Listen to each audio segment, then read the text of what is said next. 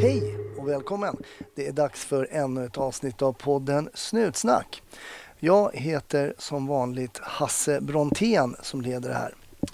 Det är inte helt vanligt att min gäst heter Rille, men det gör han den här gången och lite premiär får man väl lov, får man väl lov att säga eftersom jag poddade med Rille när han satt i polisbilen medan kollegorna var och tog en fika. Och det uppskattar jag Rille att du tog eh, och prioriterade det där avbrottet och la det på snutsnack och inte på kaffe och eventuellt eh, en donut, vad vet jag. Rilles avsnitt kommer ju alldeles, alldeles strax.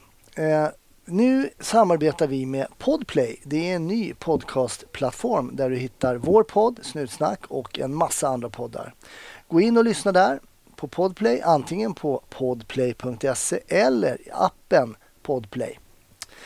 Mm, Snutsnack hittar du även på Facebook och på Instagram. Du är hjärtligt välkommen att besöka oss där. Och nu kan du också stötta podden genom att bli Patreon. Så gör gärna det. Gå in på Patreon snedstreck snutsnack. Det skulle uppskattas väldigt, väldigt mycket. Ja, då kan jag väl inte säga annat än som vanligt. Var försiktig där ute och jag hoppas att du får en väldigt trevlig lyssning.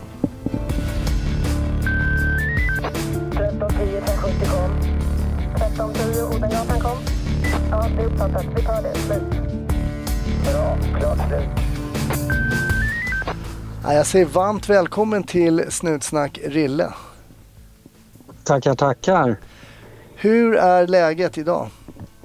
Det är mycket bra. Det är mycket bra. Jag får möjligheten att eh, vara ute och jobba lite. Eh, ja, ja jobba kväll. Det här ser ju inte lyssnarna, men jag har ju faktiskt huggit dig här nu och du har någon form av avbrott och du har satt i radiobilen och de andra får ta en fika och du får snacka med mig.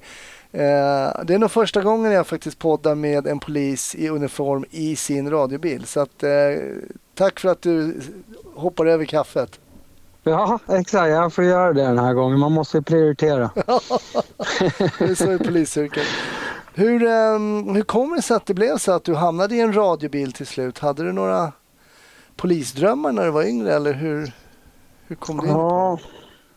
Eh, det började när man var liten och växte upp med farsan som var konstapel också. Ah, okay. Eh, så han är ju, eh, han hann med 44 år tror jag i yrket. Wow! Och sen så uh, gick jag till och från. Uh, fick vara med på många gig han hade när man var yngre. han var ensamstående ganska länge där så då fick man hänga med på vissa så här möten och grannsamverkan och annat. Jaha. hur hur sen, var det då som ung grabb? Ja, men det var väl rätt intressant. På den tiden, det här var ju liksom i, vad ska jag säga, runt 90-talet. Ja. Eh, då var det ganska mycket att man var rätt hands-on gällande typ så här nu. Eh, SL hade någon förevisningsbuss som hur skadegörelse och annat såg ut. Eh, man var ute till skolor hade som föreläsningar på, i min bild, eh, sen jag var yngre i alla fall. Mm. Ja. Men jag tänker just att som min pappa jobbade också som polis och det, det var väl lite häftigt att ha det. Men det var all, för mig var det aldrig någonting så åh jag vill ha, ha det yrket som pappa har. Men det var ju någonting spännande kommer jag ihåg. Till exempel när farsan åkte iväg till jobbet när man skulle gå och lägga sig typ. Mm. Ja, men jag kan hålla med. Jag har nog haft samma känsla för jag har inte varit en så självklar grej att bli polis för min del. Nej. Eh, och det var ju också så att när man var och badade till exempel på somrarna med farsan så kunde någon radiobil eh, dunka förbi och ge en radio en svart sopsäck här till farsan så han kunde ha spaning efter någon så här pundare eller någonting. eh, så då var man lite med i det någon gång sådär. Ja, eh, Ja, det tyckte man var lite tufft. Eller när de hade hölster under armen och var tvungna att ha typ någon puffra hemma eller något sånt där. Ja, jag fattar. Det var så speciellt. Men när du, när du liksom ändå tog beslutet där med jag söker och sådär. Bollade du någonting med din pappa liksom om så här, vad tycker du, borde man, hur ser det ut idag eller liksom var det något sånt eller tog du bara ett eget vuxet beslut? Nej men eh, faktiskt, jag nämnde inte det för honom. Eh, för, Nej, jag sa inte ett ljud. Jag sa inget till min mamma heller. Uh, utan mina två bröder hade börjat plugga på skolan också. Uh, och var väl... En var klar, färdig ute och den andra höll på att söka in också. Uh, okay. Så jag sa aldrig någonting för att jag lät det vara. Eh, så ringde jag till min morsa då vet jag. Nu går jag över från, mamma, eh, från pappa till mamma. Ja, här du får hänga med i svängarna. eh, så att jag ringde morsan när jag hade fått eh, antagningsbeskedet på mejlen. Så ringde jag och bara, hej mamma. Eh, jag tänkte bara säga att jag funderar på att klicka ja till Polishögskolan nu. Och det första hon säger då bara, nej, inte du också. Alltså, alltså hon har en hel insatsstyrka hemma, alltså din morsa. Ja, jag hade. Hade, okej. Okay. Ja. Oh. Så att eh, en har slutat och en är återanställd också. Jaha, så det har inte varit mm. helt självklart för alla att bara vara fastklistrad i myndigheten? Nej, men däremot farsan när det väl blev dags, då var vi två på skolan och en ute och jobbade på Sö Han var på Södermalm. Så vart eh, farsan var jäkligt stolt. Alltså han var det? Ja. Ja, det märkte man på honom faktiskt att han hade tre, tre, tre av fyra barn då, då eh, som var, varit poliser och konstaplar och ville att man skulle in i city och gnugga näsan som han själv uttrycker 50-talisten. Jaha, blev det city och gnugga näsan eller? Ja, jag, jag valde mellan eh, då som det hette norrort och eh, city och så ja. var det city. Ja. Eh, och när det närmade sig där så fick man välja, eh, komma med önskemål om Södermalm eller Norrmalm. Eh, så jag skrev till den som då var ansvarig, jag vet inte vem det var, men skrev då att eh, jag mig spelar ingen roll vilken Malm jag hamnar på men det kan vara att föredra kanske Norrmalm för mina två bröder är på Södermalm. Ja. Eh, så det vart det Norrmalm. Okej, okay, ja men det är ju mitt ja. gamla precinct. Hur trivdes du där då? Trivdes jättebra. Eh, ganska höga förväntningar från skolan. Eh, jag tycker många lärare på skolan som kanske inte ens hade varit i city då eh, hade sina eh, uppbyggda liksom föreställningar eller liksom vad ska man säga, de hade en, ett sätt att se på city utifrån deras perspektiv och då hade man själv som elev börjat byggt upp det med snattare, med fyller och allt sånt där. Så att, eh, ja, du kanske vet, du var väl inne där en sväng också? Ja, absolut, jag var sex år där. Den här veckan sänds Snutsnack i samarbete med Biltema. Ja, varför är det så kul att gå på Biltema? Jo, det är väl för att det finns något för alla där, i hela familjen. Jag menar, det är inte bara biltillbehör och sånt där, utan grejer till båten, massa saker till hemmalivet, inredning, leksaker finns det. Och nu när det börjar bli höst så måste man samla ihop allting i lådor. Du kan även köpa lådor. Eh, det är jättebra när man börjar höststäda. Det bästa just nu med Biltema är väl kanske det här köp och hämta. Att man beställer sina varor på hemsidan, på nätet och så hämtar man dem i närmsta varuhus. Helt perfekt, redan inom två timmar. Det är riktigt bekvämt och så sparar du massa tid som man ju inte har så mycket av, tycker man ibland. Så gå in och kolla mer på biltema.se och så, så checkar ut då köp och hämta. Ja, det har vi pratat om i podden också, kanske olikheterna med liksom vara ute på landsbygden och sen kanske åka i city och få mycket snattar och sånt. Okej, okay, du hade blivit lite uppskrämd att du bara skulle få gå på, åka på snatterier då lite, eller? Nej, ja, men inte bara det. Jag hade nog ganska bra, hade mycket kompisar på Norrmalm också redan innan jag liksom var färdig. Eh, så jag hade förmånen att kunna liksom stämma av ganska mycket. Eh, men jag tycker nog att det där är någon grej som lever kvar fortfarande idag, eh, att eh, City har det där. Mm. Och det är väldigt mycket snattare, men vi är extremt mycket mer poliser också och delar på det. Ja, just det. det är sant. Så att det blir liksom procentuellt skulle jag nog säga att det är ungefär som vart som helst.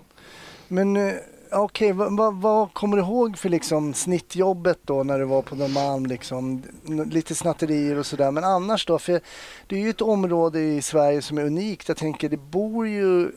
Det, alltså, det kommer ju in väldigt många till det polisdistriktet från ytterförorter. De ska in och festa och de ska shoppa shoppa och det är allt man ska göra inne i stan. Liksom. Vad, vad var det som mm. hände när du var där? Då, liksom?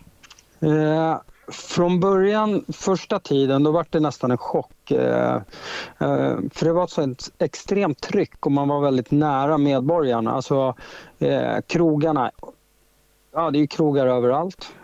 Stängningstiderna är ju hela natten lång, fram till fem där. Mm. Så jag tycker att det här trycket på människor och berusning blev en liten aha-upplevelse faktiskt. Okej. Okay att det var liksom mycket helt konstant då så att säga. Att det var högt eh, momentum liksom på jobb och sådär.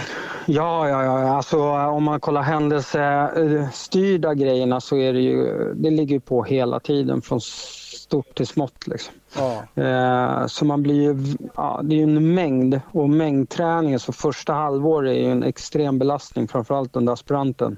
Mm. Eh, så man är ju väldigt trött. Och, ja. ja mycket att ta in. Ja, det är extremt mycket. Eh, så att, och det är det säkert vart man än hamnar som aspirant. Men just det här uh, trycket av ärenden och, som florerar uh, på radio och framför bilen. Liksom.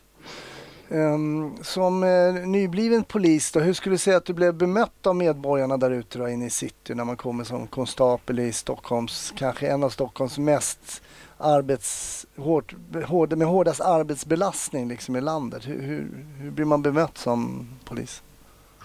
Ja, men jag skulle nog säga att det är bra. Eh, vi var ju framförallt när jag började ganska stor personalgrupp som jobbade helgerna eh, med cityhelg och eh, vi var väldigt liksom eh, slagkraftiga just på helger och kvällar. Eh, så, och jag tycker nog att bemötandet är, har liksom varit Ja, men det har varit bra. Liksom. Man är, och ibland går man och jobbar dagtid så är man ju nästan som en eh, turistguide ibland om man är nära Gamla stan. Liksom. Eh. ja, det blir mycket så alltså. Ja, men så är det ju. Eh, så det, det är roligt.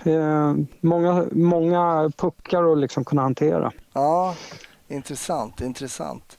Men nu är du inte i city längre? Nej, eh, jag valde i våras här, eh, vid april så började jag jobba i eh, lokalpolisområdet Sollentuna. Mm. Eh, gjorde jag. Och vi pratades ju vid lite för någon dag sedan och sådär och då nämnde du också att det är här i de här krokarna som du också är uppvuxen. Ja, hur det stämmer det. Hur är det att komma tillbaka till sina hoods och jobba som polis? Ja, alltså nu var jag om jag reflekterar och går tillbaka lite så var det så här, det är bra att jag inte började jobba här när, eh, när jag varit nyexaminerad. Okay. Eh, det hade nog blivit eh, svårare att hantera än kanske det är idag. Va varför då? då? Ja, dels så har jag kommit bort lite från den miljö där jag själv är uppvuxen i. Mm. Eh, samtidigt som också en del gamla kamrater eller bekanta eller skol, skolkompisar har liksom vuxit upp lite, bildat familjer, eh, kanske flyttat ut ur området om man säger så. Ja, jag fattar, jag fattar. Så du menar att innan de skaffade familj och mognade till sig så hade du kanske kunnat få ingripa mot någon av dem eller? Ja, men det tror jag. Jag lyckades träffa någon inne i stan också innan jag flyttade hit.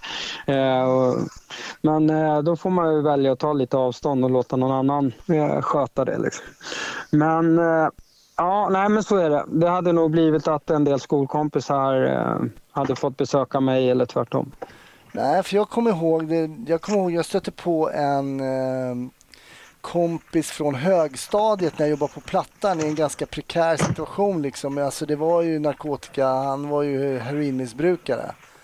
Mm. Det var liksom... Eh, det kommer väldigt nära en på ändå. När man, mm. Han var en... Alltså ursäkta uttrycket, men då var han inte någon... Han var en ganska tillbakadragen, lite alltså citationstecken nördig snubbe liksom. Jag hade mm. absolut inte kunnat se honom föreställa Då. Nej, precis. Så det blev jättekonstigt mm. när vi skulle typ, åh, kommer du ihåg i plugget liksom? Jag bara, ja men visst. Nej, men det var, det var lite märkligt faktiskt att stöta på någon ja. förr liksom. Ja, jag ser det fast det släcks ner där. Det var ju så jävla bra. Ja, det, ja, ja, det, vi ska börja rulla du får hålla i om det blir något gig här om en stund. ja, om det börjar blinka blått så fattar jag. Då, ska, ja, då får ja. jag trycka av här. Alltså. ja, det är bra. ja, ja. Nej, men, nej, men så att... Skillnaderna då? Alltså, nu har du ju City och sen eh, hemmadistriktet så att säga. Vad, vad, skulle du säga är skillnaderna i arbetssätt då? Du berättade om det här trycket mm. i City som nästan förvånade dig lite och så nu som områdespolis då. Hur, eh, hur ser, vad ser du för skillnader? Ja, jag skulle väl nog säga att eh, skillnaden i stan och det här trycket som är, det är liksom, ja, men du är ganska anonym och du kan jobba på i din, i din tjänsteroll. Mm. Eh, utan att liksom egentligen eh, fundera så mycket på eventuella saker som kan ske efteråt eller när du är ledig och sånt. Eh, sen börjar man jobba i orten och helt plötsligt så bor du i området och du har Eh, Eh, du är mer ensam ute och patrullerar. Du åker med en kollega och that's it. Det kanske finns en bil någon helt annanstans men det är lång framkörningstid. Eh, så du måste ha en annan approach lite när du bemöter eh, kriminella och ja, medborgare. Men kan du känna själv att ditt arbetssätt har förändrats lite från att komma från city att du arbetar lite annorlunda? Och hur i sådana fall har du känt det? Mm. Nej, jag har nog varit ganska offensiv som person och i mitt sätt att vara det här sociala. Eh, så att däremot kanske det är så att själva det offensiva arbetet kan få liksom stå tillbaka eh, lite grann, men inte mitt sätt som person. Eh, Däremot så måste man göra avväganden om det är läge att eh, åka in. Eh, nu, nu är det inte så att det är jättesvårt område. Jag tycker det har senaste åren, eh, vad jag kunnat sett, eh, blivit väldigt mycket bättre i alla områden. Okay. Så att, eh, jag ska inte få det att framstå som att det är krig här ute. Utan, eh, men det är, det är en viss klimatförändring, så är det ju. Men du näm- nu lät jag nästan som en eh, politiker med klimatförändring. Ser ljuset ja. i tunneln. Eh, nej, men du nämner det sociala där, att, eh, att det är viktigt med det sociala, att du, ditt sociala sätt inte har förändrats. Hur är du då som polis? Är det, är det, en, är det en stor eh, tårtbit hos dig att vara social? Du nämnde det. Ja, men det skulle jag nog säga och jag känner väl att man... Jag har haft många fördelar att vara väldigt alltså, social i mitt sätt att vara med kontakter och även kontakter med kriminella i den dialog man kan ha mm. när man träffar på dem. Mm. Eh, så att, och det gör ju att när man åker och träffar dem så kan man göra det med en viss trygghet i att det inte kommer ske något där och då. Eh, Eh, och det, det känns rätt bra. Eh, och det, jag är lite allergisk mot det där med att bli en person eh, när man sätter på sig uniformen. Ut, utan ah, jag kommer vara samma kille de träffar när jag är ledig eller när jag jobbar. och man ska sköta sitt. Liksom. Ja, det, det, tycker jag är en väldigt, väldigt klok inställning. Det är lite som med barn tycker jag. Jag kan se vuxna ibland som förställer rösten och sen de umgås med barn. Men barn gillar mm. inte när man, de märker ju när man... Mm. Och jag tror även så med människor om man försöker vara någon annan när man har sin uniform på, att det kan genomskådas. Att man försöker vara som man tror att en polis ska vara istället för att bara vara sig själv. Jag tror att det är en viktig punkt som du trycker på där faktiskt. Ja, eh, och det kan vara så här lite med stan och ute. Jag tror att jobbar man mer i orten mm. så tror jag det är svårare att vara en annan person eh, för att överleva lite den här vardagliga kontakten när man är ute och jobbar. Okay. Eh, I stan så går det att köra en ganska tuff stil och Ja, du förstår precis vad jag menar och jag tror de som lyssnar också förstår. Jag förstår precis vad du menar. Jag har också sett exempel på det när vi kom upp till Luleå och skulle jobba liksom som vi jobbade i stan när vi jobbade med, var på krogar och sånt där. Och där mm. visar man lägget i Stockholm, polisen, så går man åt sidan med polisen och så blir man kontrollerad och antingen så kanske man mm. har på sig eller inte. Men där vart det ju High Chaparral alltså. Man vill bara visa lägg och sen så pratar man som jag gör då va. Vad fan tror du? Visa lägg och jävla 08. Nu åker du på spö liksom. Så att det vart Ja. ju, ja det vart ju, ja vi har nog aldrig haft så mycket stök som när vi var där uppe. För de var inte heller vana att bli, kommer folk fram på krogen och tunna, kom undan här nu ska vi snacka med dig liksom. Men vänta, jag står och dricker bira liksom. För det kan ju faktiskt hända i Stockholm på ett annat sätt. Så det, det är också att man inte är van som, liksom, om man säger, ja, besökare på en klubb eller något sånt där, att det ska komma en konstapel. Liksom. Det var för dem ganska Nej. orimligt. Alltså. Ja. Ja, nej, men jag tror Nej, det...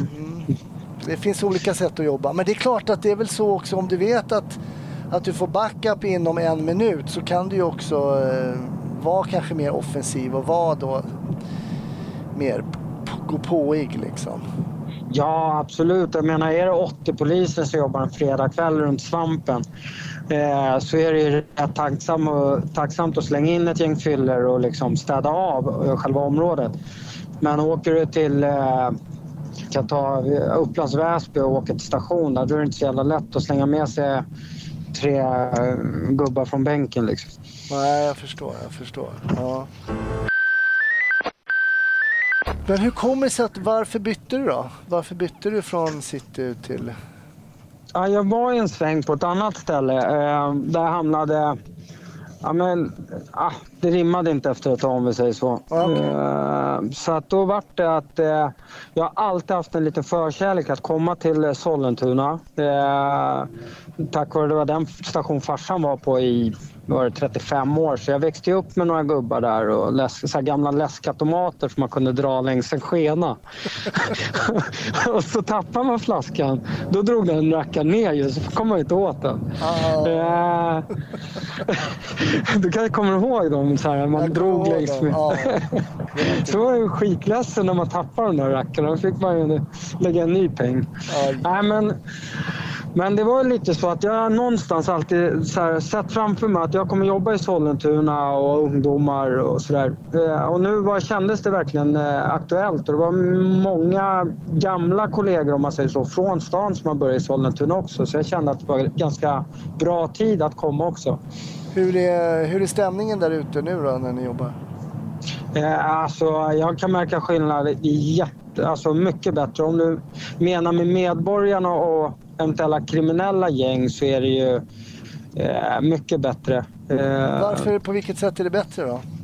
Ja, men jag tror även att de har börjat känna av att vi inte bara är där hela tiden för att jävlas. Eh, eh, utan att man kan faktiskt stå och ta en diskussion och prata om saker. Och ganska kort stund efter man har stått och pratat en stund så brukar de eh, eh, faktiskt mjukna lite och fråga lite om hur man kan söka till polis. och eh, ah, Värnplikten kan man stå och prata om. Det är inte alla de här grabbarna som jobb, bor här som får den möjligheten. Ja, just det. Ja, men det där är ju rätt intressant att man kanske har en bild av då att polisen bara kommer för att sticka en kniv i sidan på en och, och bara jävlas med en. Och man märker att det kanske inte alltid är så. då, då kanske det blir en liten förändring. Och, alltså man vill ju så gärna att poliser ska synas överallt. Nu finns det ju inte eh, så sjukt många poliser i Sverige men det verkar onekligen vara ett bra arbetssätt. Ja, alltså det här med områdespoliser och... Ja, alltså förr det var ju mycket snack om att eh, man eh, mycket med ungdomar men aldrig gjorde något med.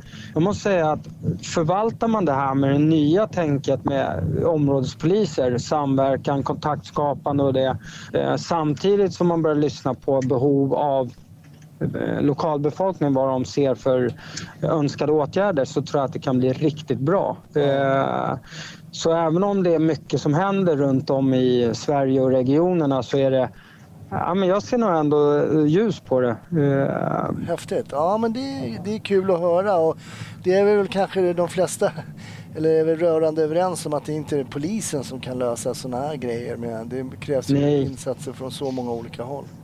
Nej, men så är det. Och det är säkert någon som lyssnar på oss här som tycker man är riktigt naiv. Men alltså, eh, på någonstans så börjar vi faktiskt bli lite fler poliser och börja få ett lite mer grepp, tycker jag, över eh, vissa områden som varit utsatta under längre tid. Kul. Eh, skulle jag kolla till exempel Sollentuna så det är inte lätt för utryckningspoliser en kväll, två stycken bilar för tre jättestora kommuner. Alltså det är helt... Det går inte att kräva att de ska jobba med lokala problembilder samtidigt som de ska ha 112 jobb. Eh, så där börjar vi faktiskt kanske kunna avlasta dem lite i den, det krav som finns. Ja, spännande. Hur går det för Christian? Ja, Christian. Hej Christian, det är Hasse. Hur står det till? Det är bra. Nu är det ju så faktiskt att du är ju väldigt nära att bli färdigutbildad polis. I och för sig då för er lyssnare som har följt med på ett lite annorlunda sätt. För du har varit civilanställd inom polisen och går då en ettårig polisutbildning eftersom du har kunnat mycket av de system och sånt där som ni har haft innan. Eh, och vi har ju följt dig under din utbildning här nu. Men nu är vi lite nyfikna på vad som har hänt senast. Man kan säga att tiden spenderas mycket med de sista lektionerna i olika ämnen. Så vi hade sista skyttelektionen där vi sköt kompetensprov. Vi hade sista lektionen i trafik där vi var ute och delade ut lite obotar till varann. Mm. och sista grepp och tekniklektionen. Så det var liksom, det var lite så här sorgfyllt att säga hejdå till vissa lärare och sådär. Ja, så de, konstigt, de ämnena är avklarade och du är också godkänd i dem då eller? I skyttet där, där sköt vi kompetensprovet som sista grej och det var jag med väl Eh, godkänd var jag med råge höll jag på att säga, men jag satte alla mina serier av de här. Man skjuter nio stycken, alltså tre eh, olika moment tre gånger och eh, jag satte allihopa så jag var supernöjd. Det känns stabilt. Och eh, trafiken är jag godkänd på och sen är det ju grepp och tekniker. Nästa gång jag åker ner har vi slutexamination i det. Men det var liksom sista utbildningstillfället har varit nu då, så nu är det bara examination kvar på den delen. Men känns det liksom att det börjar närma sig eller hur är det liksom bland dina studiekompisar och så här? Är det så att det bara, men snart är vi ute på fältet? Ja, det, det börjar bli så där obehagligt nära. Man sitter i, i bilen på vägen hem och inser att vi ska bara åka ner en vecka till. Så ja. det är en, en skräckblandad förtjusning, liksom, att det här kommer ta slut snart. Ja, Men är det någonting du bävar för här nu på slut, eh, på liksom the home stretch? Ja, vi har ju eh, sista veckan nu när jag åker ner nästa vecka har vi något så kallat polistaktisk eh, bemötande övning. Eller något sånt Men det är i stort sett en dag på, på jobbet som, som IGV, alltså ingripande verksamheten. Eh, och där bedöms vi och det är liksom olika stationer och så får man beroende på hur man beter sig så får man poäng eh, för vad man gör och så ska man komma upp i ett visst antal poäng för att kunna bli godkänd på hela den grejen. Och det är ju liksom en slut, det är vår stora slutövning. Mm. Och jag, jag är väldigt nervös inför den. Går det bra på den här, då har man ju självförtroende kanske lite sen när man går ut. Mm. Går det lite halvknackigt, då kommer det kännas lite så där, kommer jag verkligen klara det här? Jo, du kommer få ja, bra, det där är, du kommer det få bra handledare som styr upp det där. Vet du. Nej, nerverna sitter på utsidan nu och kommer att göra den här sista veckan fram tills ja, vi åker ner. Spännande. Jag tror det kommer att gå alldeles lysande eh, för dig och för Ja, jag hoppas ju det. Ja, jag, jag tror att alla lyssnarna håller tummarna för dig också. Jag måste ju hålla liksom det här uppe nu för att det, jag, skrev ju, jag har ju skrivit fyra tentor. Tre av dem är jag godkänd på som vi pratade sist. Jag börjar ju närma mig att jag inte har missat någonting. Och eftersom ja, jag vet att jag måste i så fall redovisa det till dig så känns det ännu mer... Pressen är enorm nu alltså. Ja men det är spännande, det är spännande.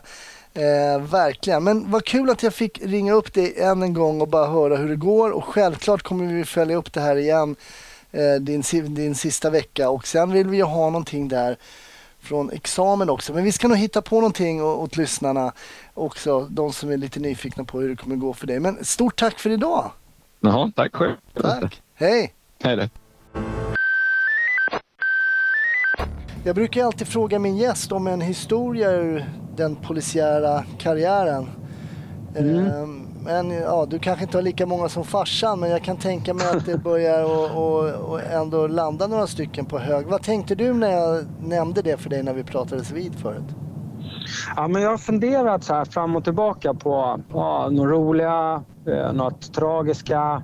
Eh, så bara, fasen, det dyker upp ganska små grejer. Det finns eh, eh några grejer som är så här, eh, stora händelser för mig som polis och sånt. Eh, mm. Så det, det, ja, det kan vara det minsta lilla gigget som blir något väldigt betydelsefullt för en själv. Ja, vad, vad, vad, kan det? Kan du nämna något exempel där? Som, något som är ganska ja. litet som blir stort för dig? Ja, men det, en sak skulle kunna vara till exempel när man får åka hem till någon som är eh, självmordsbenägen. Ja. Eh, och man kommer hem, det är en 13-årig tjej. Eh, och så föräldrarna är helt uppgivna och hon är kanske sönderriven på armarna och sånt. Det är att kunna sätta sig och ta den där dialogen med en sån tjej och faktiskt nå fram. Ja. Eh, och det är inte så jäkla lätt eh, att nå unga tjejer som har bestämt sig för saker. Eh, har rätt i eh, Vasastan en gång för ett gäng år sedan som jag vet att det gick så bra och så får man liksom eh, tillsammans med flera kollegor sköta hela den här kontakten hela vägen tills att mamman och dottern hänger med med kläder, åker upp till Sankt Göran och liksom... Eh, eller om det är nu BUP då, borta vid SÖS där. Ja. Eh. Men hur känner man att man, det där är ju intressant tycker jag, du säger det är inte lätt att få kontakt, men hur känner man då om man sitter som polis i det här fallet, pratar med någon som är ung, självmordsbenägen. Hur känner man att man får liksom, nu har jag lite kontakt, hur kan man känna det? Det är nog lite på den här äh, blicken och responsen i en dialog. Eh, eller monolog då kanske det är till en början. Ja. Men eh, det här lite att man får till slut en fråga tillbaka. Eh, det kan vara Ja, vad menar du? Alltså att de bara ger respons på någonting som man själv ställer en fråga på. Ja. Eh, då kan det börja vända liksom. Nu är inte jag någon psykolog va, men... Nej. Eh, Nej. inte du heller kanske, Nej, men du förstår heller. vad jag menar. Absolut, jag förstår vad du menar. Och det, ja. det, är ju, det är ju tragiskt att det är så många jobb som handlar just om psykisk ohälsa. Och att, mm. Som du säger, du är ingen psykolog och det är inte poliser överlag, men ändå det blir något form det här initiala som du berättar om, sätta sig ner, ta den tid som det krävs. Det ja. blir någon form av, alltså jag ska inte säga att det blir ett psykologsamtal, men det blir någonting att du måste lyssna, du måste fråga. Hur mycket tycker du att du fick i utbildning när du gick på skolan kring det här med psykisk ohälsa eh, och sådär? Var du mogen ja. att kunna ta de här samtalen när du kom ut? Nej, jag skulle säga att i för, psykisk ohälsa, jag har för mig att det var inte en termin utan att det är ett block eller vad det är ja. på, i termin tre. Eh, och nu när jag har varit ute och jobbat under ett gäng år så skulle jag nog säga, hade jag vetat hur mycket psykisk ohälsa det handlar om ute ja. eh, så är det ju brutalt för lite. Ja, det är så. Eh, ja, men vi pratar ju narkotika, psykisk... Alltså, så många som har misär hemma eller i sin omgivning. Vi ska inte glömma de som faktiskt lever med någon annan som har psykisk ohälsa Exakt. och deras belastning som verkligen... Eh, den energin det tar för dem eh, att hantera det där. Ja, för, ja, men det, jag är själv, min pappa som jobbade som polis var ju psykiskt, han var ju psykiskt sjuk min pappa och till slut så tog ja. han ju sitt liv. Så jag var ju, var ju mitt i ja. det där också just hur mycket det drabbar en familj och, och allt sånt ja. där. Och jag kunde väl uppleva då i början på 90-talet lite grann att poliser överhuvudtaget var ganska liksom raljerande ibland kring mm. folk som, som eh, mådde psykiskt dåligt. Och ibland kunde jag sitta och tänka i min ensamhet kanske en radiobil ja men nu snackar du om min farsa liksom. Ja, ja. Så att det, det, jag tror att det är en viktig del som du tar upp där. Ja. Nej, men eh, och, exakt. Och jag tror ju även det som gör att poliser kan hantera psykisk ohälsa så bra mm. tror jag har att göra med att poliser själva har psykisk ohälsa i sin närhet. Eh, det gör att man själv har lärt sig under uppväxten eller på senare tid liksom, eh, att hantera eller parera. Men vad då eh. menar du att, man, att, att, poliser har växt upp med folk som har haft psykisk ohälsa, alltså privat? No, ja, men inte kanske...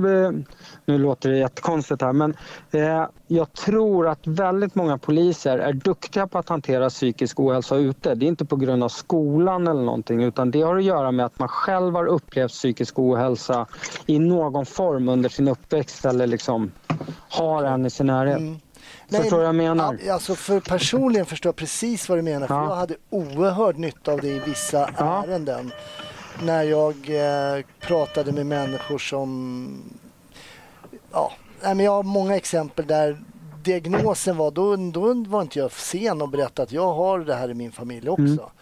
Mm. Och det var ju väldigt liksom, det öppnade ju dörrar för att man visade sig liksom förstående på något sätt. Ja, ja. Eh, och det tror jag så här, är man bara lite ärlig mot sig själv och öppen lite med sådana saker mot sina kollegor och det så tror jag också att eh, man bygger en förståelse. Eh, och även inser också kanske att man lever eller har levt med psykisk ohälsa i sin närhet. Eh, ja, nu lät jag ju nästan flummig igen då, men... Nej, men jag, jag, jag förstår lite vad du menar. Men sen är det väl så också som du berättar att eftersom man åker på så många ärenden också som du beskriver så blir ju det också en övning som man inte får på skolan utan det kommer Ja. liksom eh, i arbetslivet direkt så att säga. Och sen Ja, alltså, bygger på kunskaper. Absolut. För du har absolut inget val att kunna ducka från psykisk ohälsa när du är ute. Eh, den stöter du på i var och varannat jobb som du åker på. Ja, ja, jag fattar. Får du kollegor in i bilen nu eller? Ah, hon eh, hoppade ut här igen och vi ska göra någon trafikkontroll här om en stund. Ja, okej. Jag ska...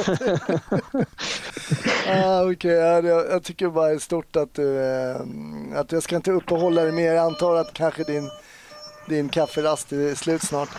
Ja, Men- precis. Men vi kan väl runda av med... ehm, vi kan väl runda av med lite polisfilmer och grejer. Är det någonting du kan kolla på som jobbar som polis själv? Ah, inte just nu. Jag, hemma så eh, rullar ju varje så här, söndag i någon Wallander.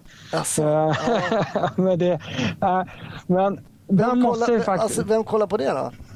Ja, men där, där måste jag ju faktiskt få säga en sak. Det var lite kul. Vi har en sommarstuga ut mot, eh, i sjö, eller mot Norrtälje.